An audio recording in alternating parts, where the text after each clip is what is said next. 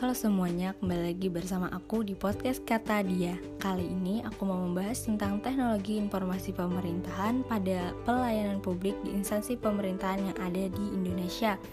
Contohnya aplikasi Sasirangan Polda Kalimantan Selatan. Aplikasi yang bernama Sasirangan ini merupakan singkatan dari selalu aktif dan siaga masyarakat senang dan nyaman. Aplikasi Sasirangan ini merupakan sebuah aplikasi yang digagas oleh Polda Kalsel guna terus berinovasi dengan memanfaatkan perkembangan teknologi informasi sebagai basis dalam memberikan pelayanan terhadap masyarakat. Tujuan dibuatnya aplikasi Sasirangan ini adalah untuk memberikan layanan kepada masyarakat secara cepat, akurat, dan profesional melalui berbagai media daring berbasis web dan mobile.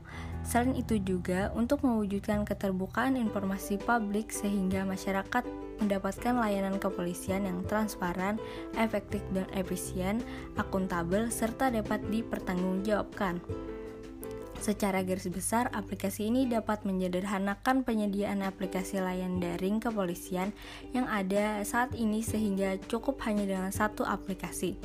Sasirangan digunakan untuk seluruh tingkatan mulai dari Polda, Polres, dan Polsek di wilayah Kalimantan Selatan. Nah, sedangkan keunggulannya itu Kapolda Kalsel mengungkapkan aplikasi ini telah terintegrasi dengan sistem SIPP SDM Polri, e-penyidikan Bareskrim, Dukcapil Kemendagri sehingga tidak memerlukan input manual data masyarakat, data petugas kepolisian, dan data e-penyidikan pada aplikasi Sasirangan. Semua data bisa diambil dari sistem masing-masing instansi.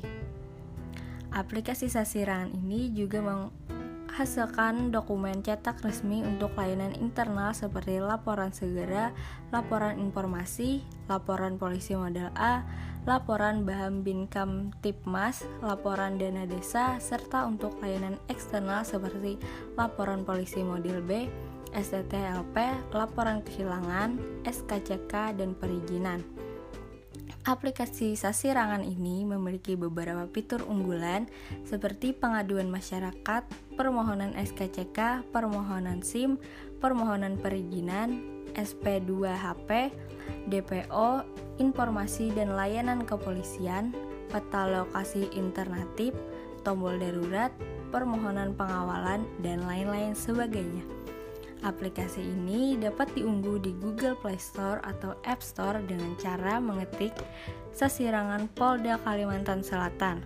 Nah, setelah itu akan muncul dua pilihan yaitu aplikasi Sasirangan dengan berlogo biru dan yang satunya berlogo warna coklat. Nah, yang untuk warna biru itu digunakan untuk petugas kepolisian, sedangkan yang coklat itu untuk masyarakat umum. Nah, mungkin itu saja yang dapat saya sampaikan. Semoga bermanfaat. Terima kasih sudah mendengarkan. Ketemu lagi bersamaku di podcast-podcast selanjutnya. Terima kasih.